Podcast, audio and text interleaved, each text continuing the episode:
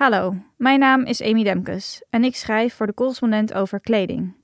Een vraag die ik geregeld van mensen krijg is: welk kledingmateriaal is wel of niet duurzaam? Ranglijstjes op internet laten zien dat een stof als wol een enorme milieu-impact heeft in vergelijking met andere stoffen. Maar met die lijstjes is nogal wat mis, ontdekte ik. In het verhaal dat ik nu ga voorlezen, zal ik laten zien waarom. Het is een ijskoude, zonnige decemberdag. Als ik Marianne Duinkerker ontmoet bij haar thuis in het Drentse dorp Ballo. Vanuit de eetkamer kijk je zo de uitgestrekte heide van het Balloerveld op. Daar hangt deze ochtend een mysterieuze blauwe gloed over, veroorzaakt door de rijp die s'nachts is gevormd.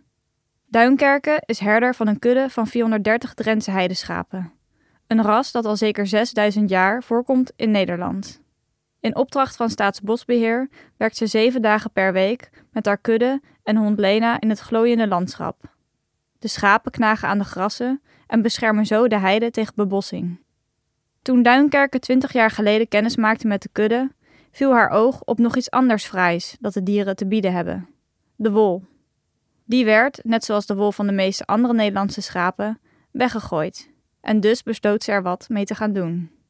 Nederlandse schapenwol is niet te vergelijken met de zachte, fijne vezels van merino, alpaca, mohair of cashmere. Maar ze is onwijs warm, stevig, dik en vol. Een grondstof die lokaal wordt geproduceerd van iets dat anders zou worden weggegooid. Dat klinkt ideaal. Maar in de mode-industrie ligt wol al een tijd lang onder vuur. Niet alleen vanwege dierenleed, dat volgens verschillende dierenrechtenorganisaties onlosmakelijk met wol verbonden is, maar met name omdat de productie van wol een grote impact zou hebben op het milieu, vergeleken met andere stoffen. Wat is er precies zo kwalijk aan wol? Op internet vind je her en der lijstjes waarop stoffen gerangschikt worden van hoge tot lage klimaatimpact. Ze spelen in op een steeds belangrijker geworden criterium bij kledingconsumenten: duurzaamheid. Die ranglijstjes baseren zich veelal op twee studies. CE Delft onderzocht in opdracht van voorlichtingsorganisatie Milieu Centraal de ecologische voetafdruk van de productie van 18 verschillende textielsoorten. Daaruit blijkt dat wol na zijde de hoogste klimaatimpact heeft en vele malen slechter scoort dan bijvoorbeeld katoen en polyester. Dit komt met name door de methaanuitstoot van schapen, de hoeveelheid land die de dieren nodig hebben om te grazen, het verbouwen van schapenvoer en de hoeveelheid water die nodig is voor het irrigeren van de weidegrond.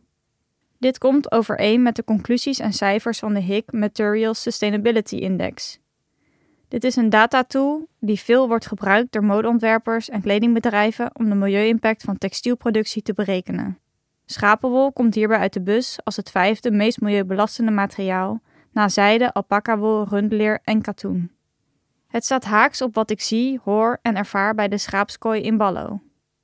Duinkerken vertelt me over de drie verschillende haartypen waaruit de vacht van het Drentse heideschaap bestaat: wol, haar en kemp. Ze legt uit hoe de kwaliteit van de wol wordt bepaald door de vezeldikte en vezeldiameter. Hoe langer hoe beter en hoe dikker hoe minder verfijnd en dus minder geliefd in de modewereld.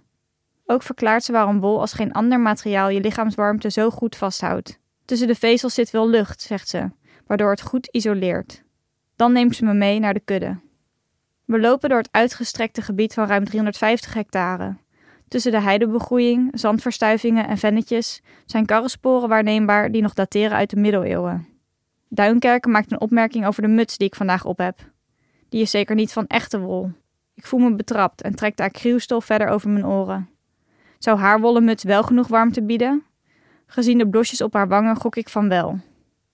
Na zo'n 40 minuten lopen bereiken we de nachtweide, waar de schapen kunnen overnachten. Met hond Lena aan haar zijde drijft Duinkerke de schapen richting het hek. Je hoort de struiken onder hun hoeven knisperen. Ze knabbelen aan de grassen, de kleine boompjes. Bevroren vinden ze ze heerlijk, zegt Duinkerke. Het geeft wat extra bite. De schapen zijn levende maaimachines. Ze eten de sappige grassen en knabbelen aan de topjes van de houtige heidestruiken. Zonder de dieren zou Balloerveld binnen de kortste keren in een ruig, met bomen en hoge grassen begroeid gebied veranderen. Via hun vacht en hoeven verspreiden de schapen zaden en pitten over het hele gebied. De wol van de Drentse heideschapen is dus eigenlijk bijzaak. Dat is een groot verschil met industriële kuddes in bijvoorbeeld Australië of Nieuw-Zeeland, waar de meeste wol vandaan komt. Maar ze bestaan wel, boeren en herders zoals Duinkerken, met kleine kuddes, Alleen vind je ze niet terug in de onderzoeken naar de klimaatimpact van wol. Zoals daarin ook niet wordt meegewogen dat het op koude dagen beter is om een wollen trui aan te trekken dan je verwarming op standje tropisch te zetten. Wat wordt er in de studies naar de klimaatimpact van kledingstoffen nog meer over het hoofd gezien? Nogal wat, blijkt als ik thuis de onderzoeken wat beter onder de loep neem. Om te beginnen zijn de cijfers die CE Delft gebruikt gebaseerd op een Amerikaanse schapenhouderij, terwijl de wol van over de hele wereld komt, met name uit Australië, China en Nieuw-Zeeland. De HIC MSI en CE Delft baseren allebei hun ranglijsten op de gemiddelde klimaatimpact van een kilogram materiaal. Maar het probleem met een gemiddelde is dat het de nuances niet laat zien. Een bolle sjaal van een megaschapenhouderij in Australië krijgt dezelfde klimaatscore als die van Duinkerkens kudde. Het gemiddelde laat geen onderscheid zien in de manieren waarop een type vezel geproduceerd wordt. En dan worden verschillende materialen ook nog eens met elkaar vergeleken op basis van data die niet te vergelijken zijn. De milieu-impact van wolproductie komt van methaan, landbouw, grondgebruik en watergebruik. Bij een synthetische kledingstof als polyester of acryl wordt de impact bepaald door oliewinning, raffinage en microplastics. Het is appels met peren vergelijken. Bovendien, zowel CE Delft als de HIC MSI kijken voor hun ranglijsten alleen naar de milieukosten van het productieproces. Maar het maakt nogal uit wat er daarna mee gebeurt. Of je trui zes maanden of tien jaar meegaat bijvoorbeeld. Hoe vaak je hem draagt. Of je afgedankte jurkje recyclebaar is. En hoe vaak je je t-shirt in de wasmachine moet stoppen. En laat wol nu juist een materiaal zijn dat over het algemeen een stuk minder vaak gewassen wordt dan polyester of katoen. Het houdt vieze geuren minder snel vast. En bovendien gaat wol langer mee. Dit bleek ook toen ik correspondentleden eens vroeg wat hun oudste of meest dierbare kledingstuk was. De antwoorden liepen uiteen. Een gebreid Noors vest dat al 52 jaar meeging, een zelfgemaakte donkerblauwe cape, een simpele broek en een Bretonse trui. Maar ze hadden één gemene deler. Ze waren allemaal gemaakt van bol. De beperkingen van materialenranglijstjes worden meer en meer ingezien. Zo haalde Milieuorganisatie Milieu Centraal een tabel offline die gebaseerd was op het onderzoek van CE Delft. Een woordvoerder van de organisatie verklaart: We merkten dat mensen hem gebruikten om materialen met elkaar te vergelijken en op basis daarvan keuzes te maken in de winkel. Maar materiaalimpact zegt lang niet alles. Dit sluit aan bij de kritiek van textielonderzoeker Sandra Roos, die stelt dat overstappen van de ene vezel naar de andere het ene probleem oplost, maar een nieuw probleem kan veroorzaken. Zo scoort polyester als een klimaatvriendelijker materiaal dan katoen in de ranglijsten, maar wordt daarbij nu bijvoorbeeld de negatieve impact van microvezels, minuscule synthetische deeltjes die loslaten tijdens het dragen en wassen, niet meegerekend. Ranglijsten als deze spelen in op de toenemende vraag van consumenten om duidelijke informatie over wat goed is en wat niet. Maar door enkel in te zoomen op een klein deel van de totale impact, laat je het grootste deel van het verhaal buiten beschouwing, waardoor je mensen op het verkeerde been zet. En je krijgt dat media met koppen komen als geitenwolle sokken slecht voor het milieu. En dat een belangenorganisatie als PITA ermee aan de haal gaat om het eigen gelijkkracht bij te zetten. Bol is niet alleen dierenleed, maar ook vreselijke milieu-impact, schrijven ze. In het ergste geval blijven dit soort kortzichtige beweringen jarenlang circuleren. Over Balloerveld hangt inmiddels een dikke sluierwolk, waardoor het onaangenaam koud is. Duinkerke Lena en haar kudde lijken er niks om te geven. Duinkerke heeft haar handschoenen uitgetrokken.